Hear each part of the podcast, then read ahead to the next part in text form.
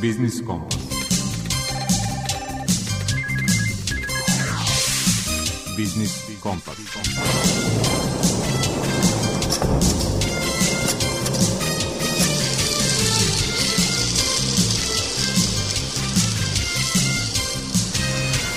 Pred mikrofonom je Đuro Vukelić. Dobar dan poštovani slušalci. Vreme je za Biznis Kompas i teme koje će iskreno verujem smisleno ispuniti narednih 50 minuta vašeg popodneva. Ukratko iz sadržaja. U rubrici Aktuelno razgovarat ćemo s urednicom portala Energija Balkana Jelicom Putniković o tome kako premostiti najavljeno zatvaranje Jadranskog naftovoda za isporuke nafte Pančevačkoj rafineriji. Pokušat ćemo i da rasvetlimo ko je zapravo vlasnik tog nekad nazvanog jugoslovenski naftovod, a čiju izgradnju je finansirao i tadašnji Naftagas, deo današnje naftne industrije Srbije. Gost autor rubrike iz mog ugla je generalni sekretar Udruženja banaka Srbije Vladimir Vasić, a tema položaj srpskog bankarstva u svetlu preteće globalne krize. U svetu preduzetništva rukovodilac projekata za razvoj malih i srednjih preduzeća u regionalnoj razvojnoj agenciji Bačka Marija Prokopić govori o uslovima javnog poziva za subvencionisanje samozapošljavanja žena. Poziv je raspisala Gradska uprava Novog Sada i traje do 15. ovog meseca.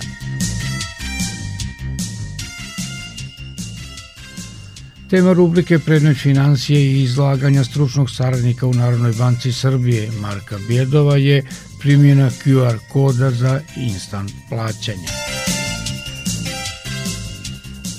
Pravni savjetnik u Udruženju za zaštitu potrošača Vojvodine Mladen Alfirović u rubrici Potrošačka korpa prava govori o pravu na odustajanje od takozvanih ugovora na daljinu, odnosno od kupovine robe na raznim prezentacijama.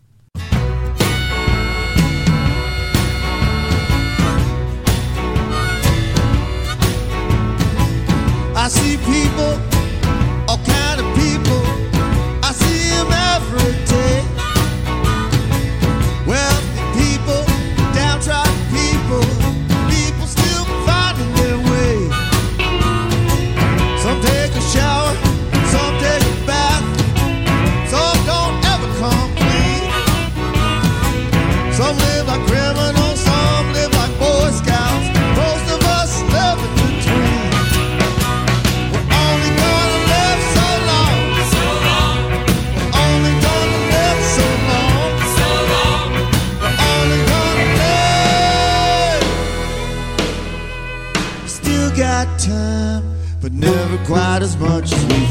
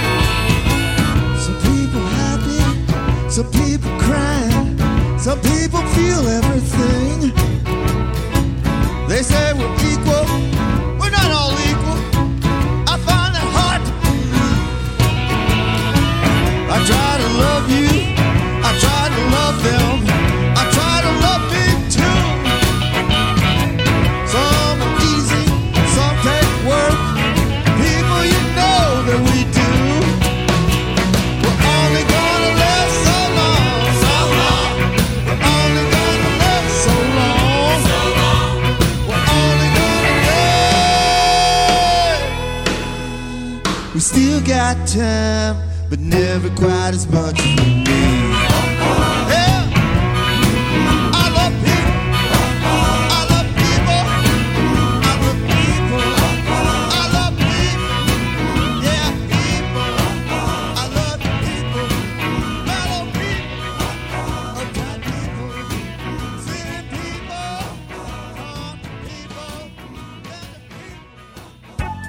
Business Compass. Aktualno.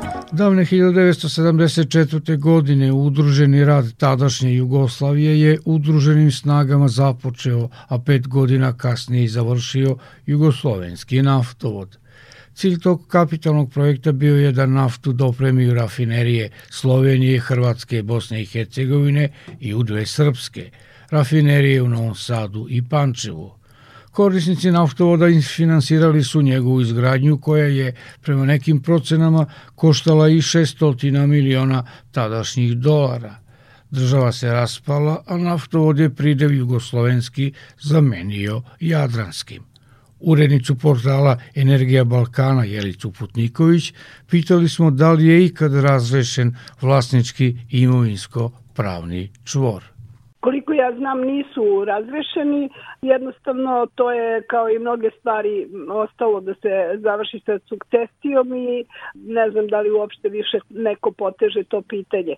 Ono što je sigurno, taj naftovod je izgrađen za snabdevanje naravno i hrvatske rafinerije, ali pre svega rafinerije u tadašnjem Bosanskom brodu i rafinerije u Pančevu i u Novom Sadu do koje je od Pančeva vodio jedan deo naftovoda. Ono što je e, poznato tokom 90. godina prestao je transport nafte ka Srbiji i posle toga kada su republike bivše Jugoslavije zapravo postale samostalne države, formiran je i JANAF koji sada ostvaruje profit zahvaljujući transportu nafte prema Pančevačkoj rafineriji. Prema poslednjim najavama od prethodnih dana, Janaf je spreman da se odrekne deo tog profita koji se tiče transporta nafte do rafinerije u Pančevu. Ima li Srbija alternativu transportu nafte Janafom? Pominju se naime luke u Konstanci, Burgasu, Solunu i neke jadranske, pa čak i severni tok. Koliko je to realno i prihvatljivo rešenje za Srbiju? Zapravo uh, Srbija ako uh, Hrvatska, to jest Janaf, ostane dosledan, će imati veliki problem jer neće moći direktno da dobije naftu naftovodom, već će morati da se snalazi da se snabdeva naftom ili koja će se prevoziti ili baržama ili cisternama, takozvanim maršrutnim vozovima od neke luke. Vi ste nabrojali o kojim lukama je reč. Naravno, to je iziskiva uh, jednu infrastrukturu, ne samo železnicu ili reku, već uh, i barže. Uh, mislim da se nafta podnavno baš ne vozi puno baržama. S druge strane, potreban je veliki broj cisterni, koje bi jednostavno kružile, da kažemo, te neke luke. Dobra stvar je što Srbija pregovara sa Briselom oko toga da ne bude Srbija kažnjena zbog sankcija Rusiji, jer uh, u naftnoj industriji Srbije uh, Gazprom Neft jeste većinski vlasnik, ali prvi najveći akcionar posle malih akcionara građana je država Srbija i nema Gazprom Neft baš totalno vlasništvo nad Nisom, to je negde oko 56%.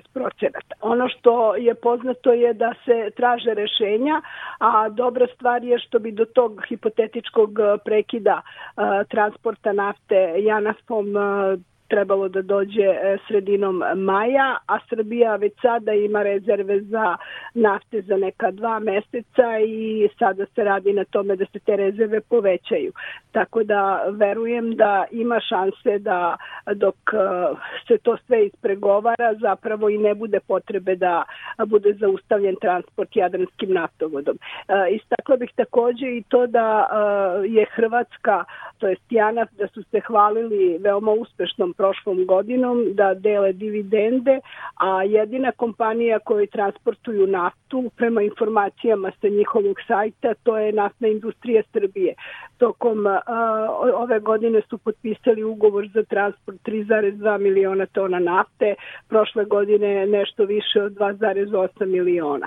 Znači, a, oni jednostavno imaju monopol na tranzit a, nafte ka Srbiji i dobra stvar je što je je Srbija i pre svega ovoga što se dešava počela da razmišlja o tome da napravi diversifikaciju, da se potencijalno izgradi jedan naftovod prema Mađarskoj gde bi Srbija mogla da se, da kažemo, nakači na naftovod družba koji vozi naftu iz Rusije prema Mađarskoj, naravno i prema Hrvatskoj. Jer dešavalo se prema nezvaničnim informacijama da su Hrvati a, u pregovorima sa Nistom zapravo tražili mnogo veće takse nego što je to uobičajeno, ali pošto nije bilo alternative, Nist je morao da prihvati.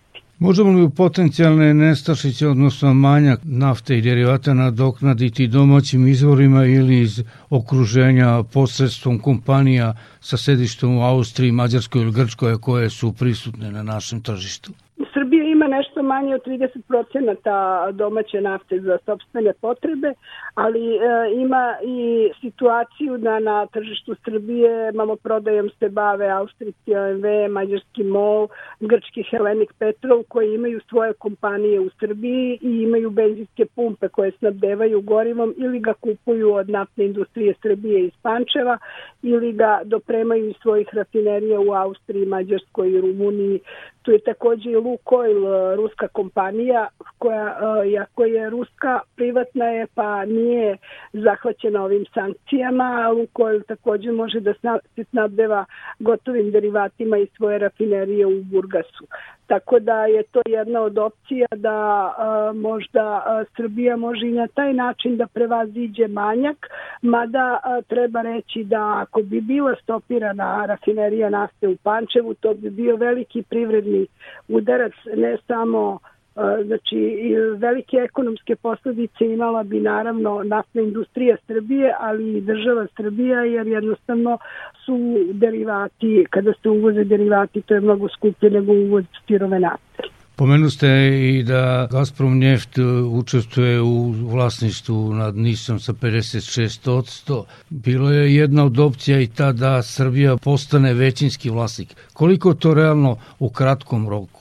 Ono što je najavljeno iz eh, od državnih eh, aktera je da se pregovara, da se pregovara, da se traži rešenje. Niko nije izašao sa nekim detaljima. Mislim da je prerano da se priča o tome da li će, na primer, država da otkupi deo akcija Gazprom Njefta u Nisu, tako da Gazprom Njeft postane manjinski akcionar.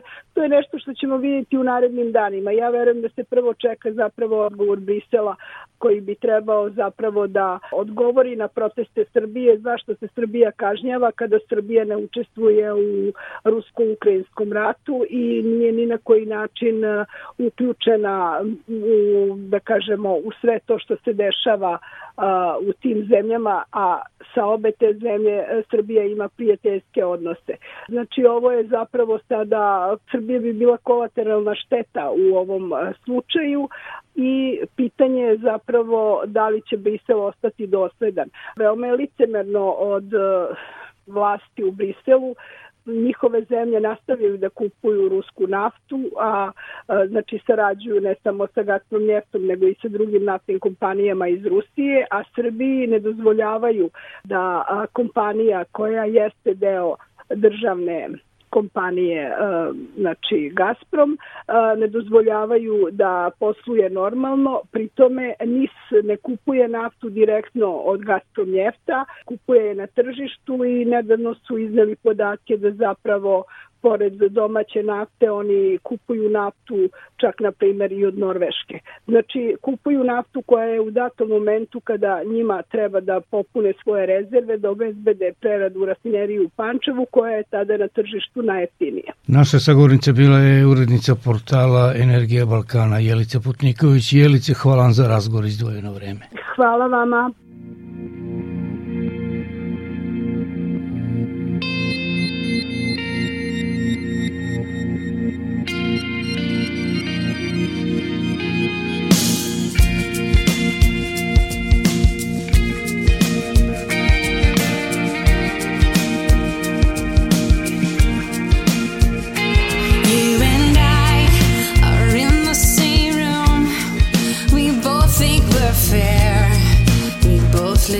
truths.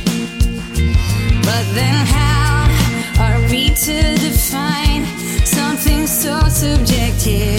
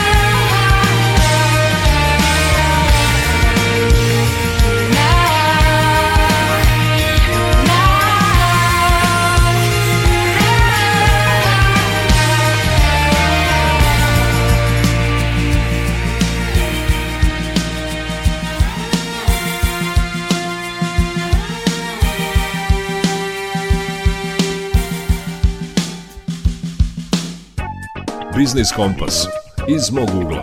Pretnje energetske krize, inflacije i rata u Ukrajini ostavljaju traga i na bankarskom sektoru. Ovaj naš srpski i dalje uspešno odoleva, ocenjuje u rubrici iz mog ugla generalni sekretar Udruženja banaka Srbije Vladimir Vasić. Svedoci smo poslednjih e, dve godine da smo imali COVID i virus, ceo svet je bio poremećen. E, Što se tiče Srbije, Srbija se dobro, mogu reći, snašla bar što se tiče ekonomije i e, ekonomski pokazatelji govore u tome u prilog i verujem da to dobar deo naših građana i vidi i osjeća kroz svoj budžet. 2020. 2021. bankarski sektor je stabilan, likvidan, konsolidovan i što se tiče tog dela, jedan e, značajan oslonac e, privredi građanima u prethodnom periodu. Od početka godine svedoci smo da, pored stišavanja COVID-19 u većini zemalja, e, imamo jedan drugi izazov, a to je intervencija Rusije u Ukrajini, koja je izazvala ajde da kažemo, dodatan potres na svetskim tržištima, pre svega u domenu energetike, a kada je u pitanju energetika, rast cena energenata uvek utiče i može da utiče na, na privredu. Što se tiče Srbije i, i, i energetike, na svu sreću, mi imamo taj poseban ugovor sa Rusijom, tako da e, gas koji plaćamo, on je na 200 i nešto dolara, a cena tržišna se kreće preko 1000-1200 dolara za 1000 metara kubnih e, gasa. Tako da naša privreda i dalje ima povoljan input e, što se tiče gasa. Kada govorimo o bankarskom tržištu, ponovit ću, bankarski sektor je stabilan, likvidan i kapitalizovan. Banke normalno nastavljaju da daju kredite, taj e, procenat u odnosu na februar prošle godine, znači skoro 9% više plasmana, vidjet ćemo kako će izgledati cijela godina, znači bankarski sektor je tu da pruži podršku privredi i građanima. Što se tiče e, postojanja naznaka o inflaciji, odnosno povezana je i u vezi sa cenom energenata na svetskim tržištima. Ja bih to rekao i tu se većina ekonomista slaže da je to takozvana transitorna inflacija, ona je uvezena inflacija i ta bazna inflacija i dalje se kreće u nekim normalnim okvirima od 2 do 3 odsto, s tim da kažem u, usled posledica promene cene energenata imamo i taj pritisak uvezene inflacije. Ja se iskreno nadam što pre se bude završila a, ova ukrajinska kriza, da će ti tokovi da se izbalansiraju, odnosno ponuda i tražnja i da se vrate u normalu.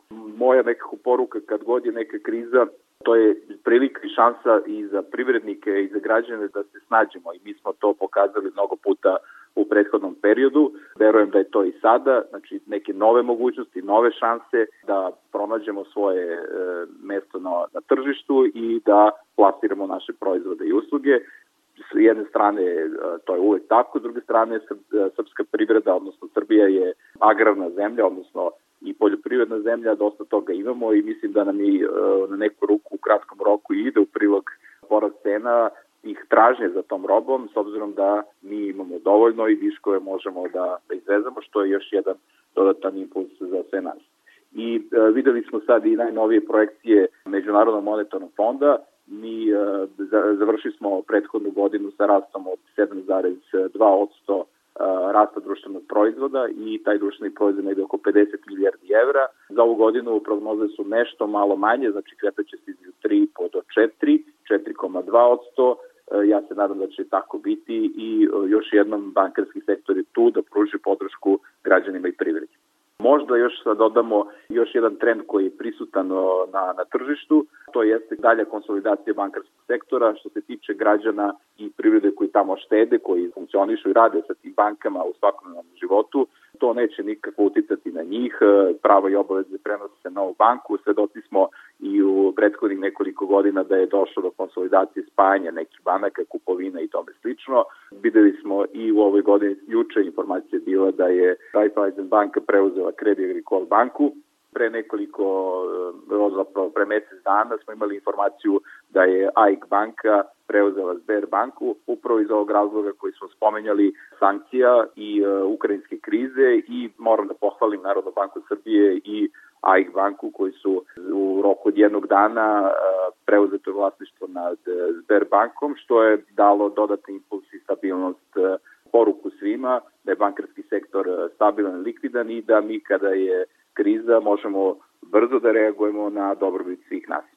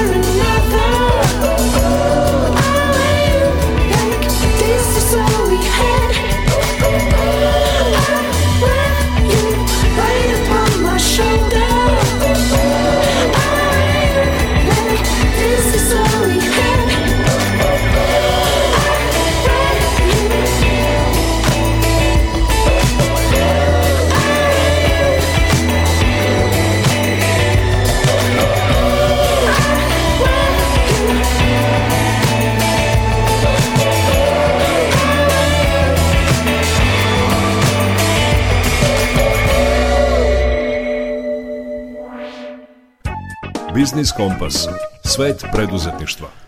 Rukovodilac projekata za razvoj malih i srednjih preduzeća u regionalnoj razvojnoj agenciji Bačka Marija Prokopić upoznaće vas sa uslovima javnog poziva za subvencionicanje samozapošljavanja žena. Poziv je raspisala gradska uprava Novog Sada, a traje do 15. ovog meseca. Kome je namenjena subvencija? Nezaposlenim ženama sa evidencije Nacionalne službe za zapošljavanje u Novom Sadu radi osnivanja nekog oblika preduzetništva kao i za osnivanje privrednog društva ukoliko osnivač zasniva u njemu radni odnos u cilju posticanja ženskog preduzetništva koliki je iznos koji se dodeljuje od 250.000 dinara do 400.000 dinara, a sve u zavisnosti od novoregistrovane delatnosti i visine opravdanih troškova i ulaganja iskazanih u biznis planu. A, koja je obaveza žena koja ostvare pravo na subvenciju jeste da obavljaju registrovanu delatnost najmanje 12 meseci, Takođe postoji mogućnost i udruživanje više nezaposlenih žena i u tom slučaju svaka od njih podnosi pojedinačno zahtev i ostvaruju pravo na subvenciju u iznosu od 250 do 400 hiljada dinara. Inače, koji su neke od uslova koje mora da ispuni žena koja bi konkurisala na ovaj javni poziv, da je podnela zahtev za biznis planom na propisanom obrazcu, Inače, ovaj zahtev se može naći na sajtu Gradske uprave za privredu grada Novog Sada, kao i na sajtu Regionalne razvojne agencije Bačka. Isto tako, s obzirom da je u pitanju konkurs koji o, raspisuje Gradska uprava za privredu grada Novog Sada, žene moraju imati prebivalište na teritoriji naše grada, a, da su prijavljene na evidenciji Nacionalne službe za zapošljavanje, i da su završile obuku iz preduzetništva po planu i programu obuke u organizaciji nacionalne službe ili u organizaciji naše regionalne razvojne agencije Bačka. Žene koje su uh, zainteresovane za ovaj poziv, a kojima treba obuka da bi konkurisale, mogu kontaktirati našu agenciju, s obzirom da ćemo mi uh, ovog meseca realizovati takvu obuku, a, mogu nas kontaktirati na telefon 021 557781. A, ko ne može da ostvari pravo, određene delatnosti kao što su trgovine, kao što je primarna poljoprivredna proizvodnja, oni ne mogu, a listu delatnosti koje nisu predmet finansiranja se takođe nalazi na sajtu Gradske uprave za privredu. Isto tako ne može žena koja je ostvarila pravo na isplatu novčane naknade za samozapošljavanje, znači koja je već koristila ovakvu vrstu konkursa i ukoliko nije ispunila ranije ugovornu obavezu prema gradu Novom Sadu i nacionalnoj službi. A, što se tiče same dokumentacije, kao što smo rekli, zahtev sa biznis planom, a, zatim nekoliko izjava koje ćete takođe preuzeti na sajtu Gradske uprave za privredu ili na sajtu regionalne razvojne agencije Bačka. Šta je još bitno reći jeste da je konkurs otvoren do 15. aprila 2022. godine, a sve bliže informacije možete dobiti putem telefona u Gradskoj upravi za privredu. Telefon je 021 452 414 ili 021 66 408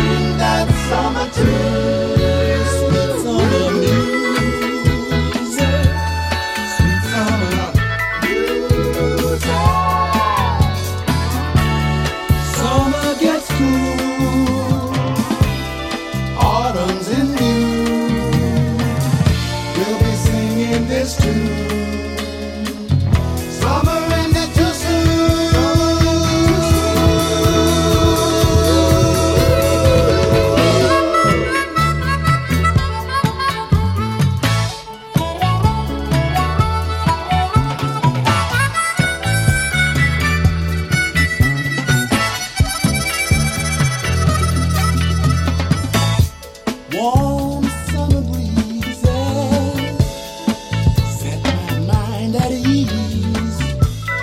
August comes without a trace, and I know there's no time to waste. It gets sunny so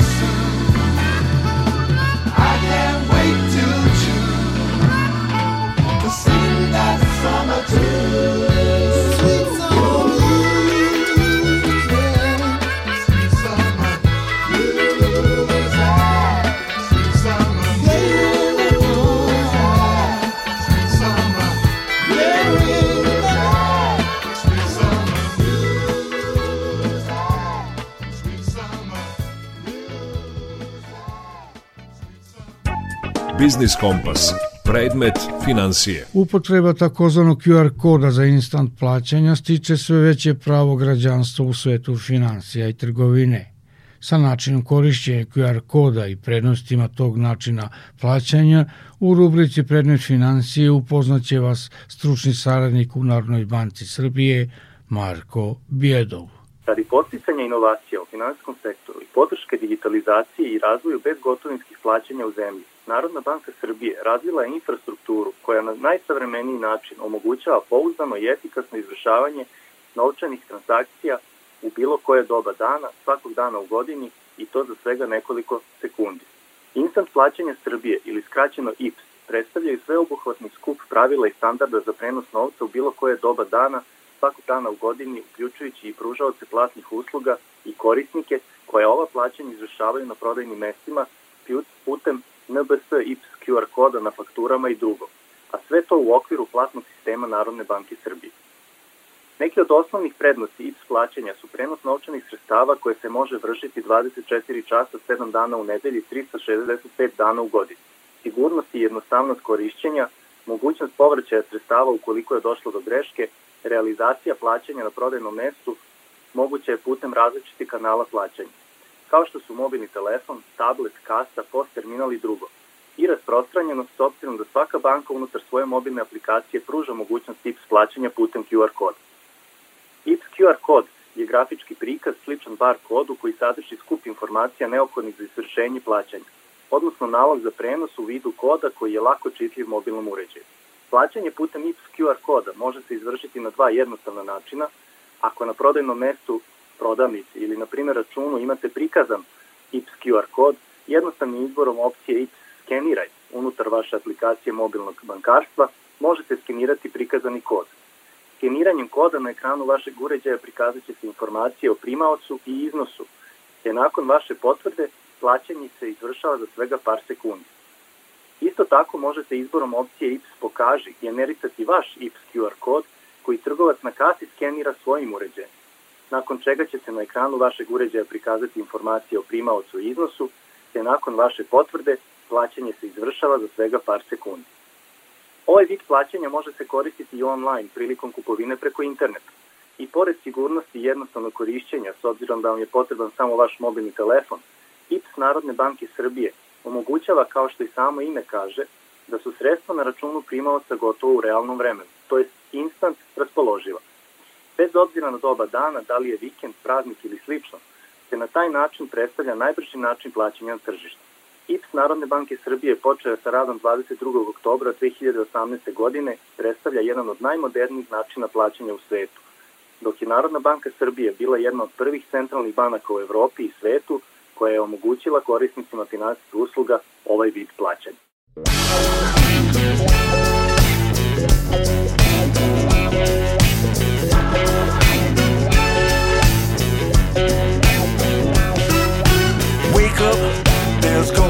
Trouble. Man up before it gets too late. Word up, you're about to bust your bubble. Get up, no time to waste. You better put it back. Put it back.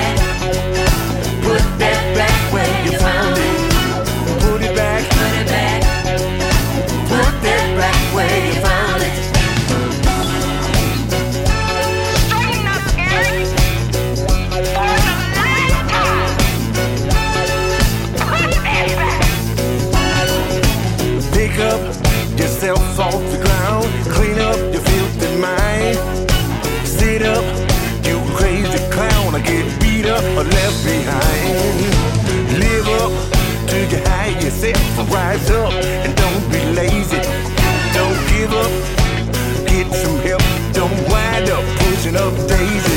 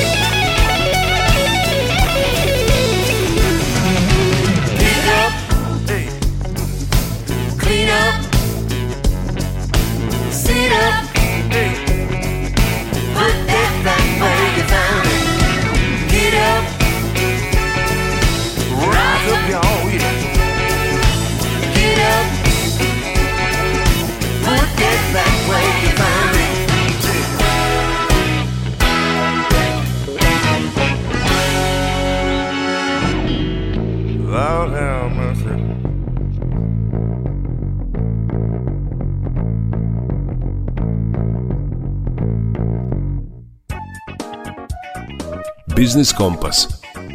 Potrošačka korpa prava. Novi zakon o zaštiti potrošača uneo je i nova pravila oko odustajanja kupaca od kupovine robe na raznim promocijama. O kakvim se izmenama radi objasnit će pravni savjetnik u Udruženju za zaštitu potrošača Vojvodine Mladen Alfirović. Veliki broj naših sugrađana godinama već kupuje robu na raznoraznim prezentacijama koje organizuju trgovci i koje se neretko organizuju van poslovnih prostorija u, ne, u nekim hotelima gde se njima e, prilikom e, tih događaja nudi određena roba za koju smo na osnovu višegodišnjeg iskustva utvrdili da zapravo i nema realne cene i da se kreće od nekoliko desetina hiljada dinara pa čak i do e, stotinu hiljada reči o nekim masažerima, jastucima, posteljini, proizvodima za koje se tvrdi da mogu povoljno uticati na, na zdravlje potrošača i ono što je predviđeno zakonom jeste da ako se taj ugovor zaključi van poslovnih prostorija, odnosno ako se zaključi na tim prezentacijama ili u stanu samog potrošača da se može od ugovora odustati u roku od 14 dana. To je informacija koju često ponavljamo zato što smo uočili da je veliki broj naših e, sugrađana, a najčešće starijih odnosno penzionera nije dovoljno informisan o ovoj vrsti kupovine i načinima na koji mogu ostvariti svoja prava po zakonu, zato uvek apelujemo da e, moraju znati da pažljivo pročitaju te ugovore i da iskoriste to svoje zakonsko pravo i odustanu u roku dve nedelje. Ono što je bitno i što je propisano novim zakonom jeste obrazac za odustanak od ugovora, jer se neredko dešavalo da se taj obrazac koji treba da se popuni nalazi na poleđini samog ugovora koji su oni zaključili i to u njegovom zadnjem delu. Ispisan je e, vrlo često sitnim slovima i negde se računa da potrošači to i ne čitaju, da ne, ne okreću poleđinu, da ne obraćaju pažnju na, na taj deo i mi smo godinama apelovali da se pročita pažljivo i prva i druga e, strana ugovora, da se uoči taj obrazac i da se on ukoliko potrošač se predomisli i shvati da ipak ne želi tu robu, da je to preveliki iznos, da iskoristi svoje zakonsko pravo. Ono što je važna novina koja je propisana novim zakonom jeste da obrazac za odustanak mora biti dat na posebnom obrazcu. Dakle, on se e, ne može nalaziti u donjem delu e, ugovora i ne može biti ispisan na sitnim slojima, već mora biti dat na posebnom papiru, potpuno odvojen od ugovora. Na taj način je zakonodavac pretpostavio da će veliki broj e, potrošača moći na lakši način da ostvari svoja prava, da će kad taj obrazac dobije odvojen od samog ugovora moći bolje da se upozna sa, sa njegovom sadržinom i da iskoristi svoje pravo koje mu pripada po zakonu i da tu robu vrati i da mu bude vraćen novac. Najčešće se ta roba plaća putem administrativne zabrane na, na penziju, to praktično znači i da se ta administrativna zabrana ukida ukoliko se u roku od dve nedelje pošalje taj obrazac čitko jasno popunjen. Ono što je bitno jeste da izgled samog obrazca uređuje Ministarstvo trgovine. Dakle, mi očekujemo da će pravilnik biti usvojen u vrlo kratkom roku koji će propisati kako taj obrazac treba da izgleda. Ako je potrošač zaključio ugovor o prodaji robe na takav način da je obrazac recimo na poleđenju ugovora, da je ispisan sitnim slovima, da se nalazi u njegovom donjem delu, izuzetno je važno da u tom slučaju se smatra da obrazac nije uručen u skladu sa zakonom, a ako nije uručen u skladu sa zakonom, onda potrošač može odustati u roku od godinu dana. Dakle, izuzetno je važno za sve one potrošače koji su već zaključili ove ugovore i koji smatraju da im ta roba nije potrebna ili da je taj iznos nerealan, da još jednom pogledaju sve te ugovore koje su potpisali, da pogledaju kako izgleda taj obrazac, gde se on nalazi, čak ako je ugovor zaključen pre 20. decembra, prošle godine mora e, se nalaziti na celokupnoj poleđini. Dakle, ne može biti u donjem delu, ne može biti ispisan sitnim slojima da to bude neuočljivo. Dakle, cela poleđina ugovora mora sadržati taj obrazac, a nakon 20. decembra on mora biti na posebnom e, papiru dat. Dakle, ako postoje bilo kakve nedoumice, nejasnoće vezano za sve to, pozivamo potrošače da se E, jave našem e, udruženju, pravnici će naravno rastumačiti sve to što ih zanima, dati im sve neophodne informacije i eventualno im pomoći da ostvare svoja prava, jer kao što sam rekao u određenim situacijama, ukoliko postoje neke nepravilnosti vezano za, za taj obrazac, rok nije 14 dana, nego godinu dana.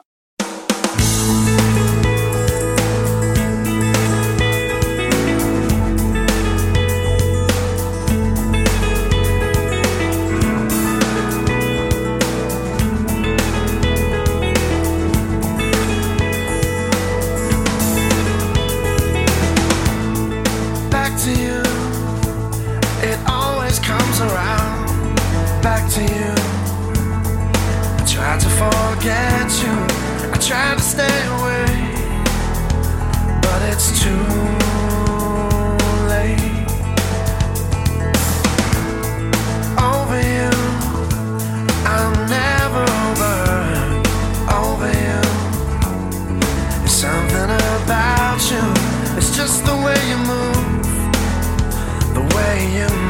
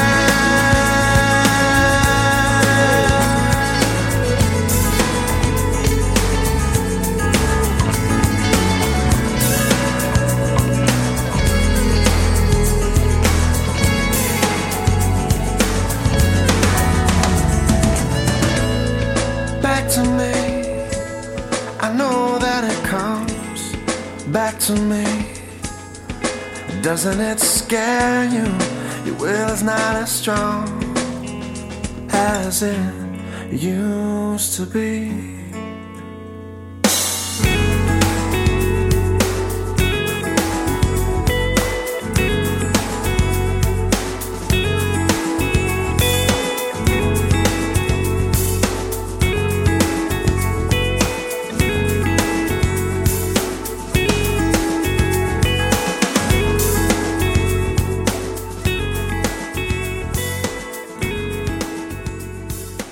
Toliko o ekonomiji za ovo posle podne. Do idućeg biznis kompasa za sedam dana u isto vreme pozdravljaju vas muzički urednik Zoran Gajinov, ton majstor Violeta Marković i urednik emisije Đuro Vukelić. Podsećamo vas i na opciju odloženo slušanje na internet stranici Radio Televizije Vojvodine, a koja vam nudi ovu i sve prethodne emisije. Zdravi bili i čuvajte se.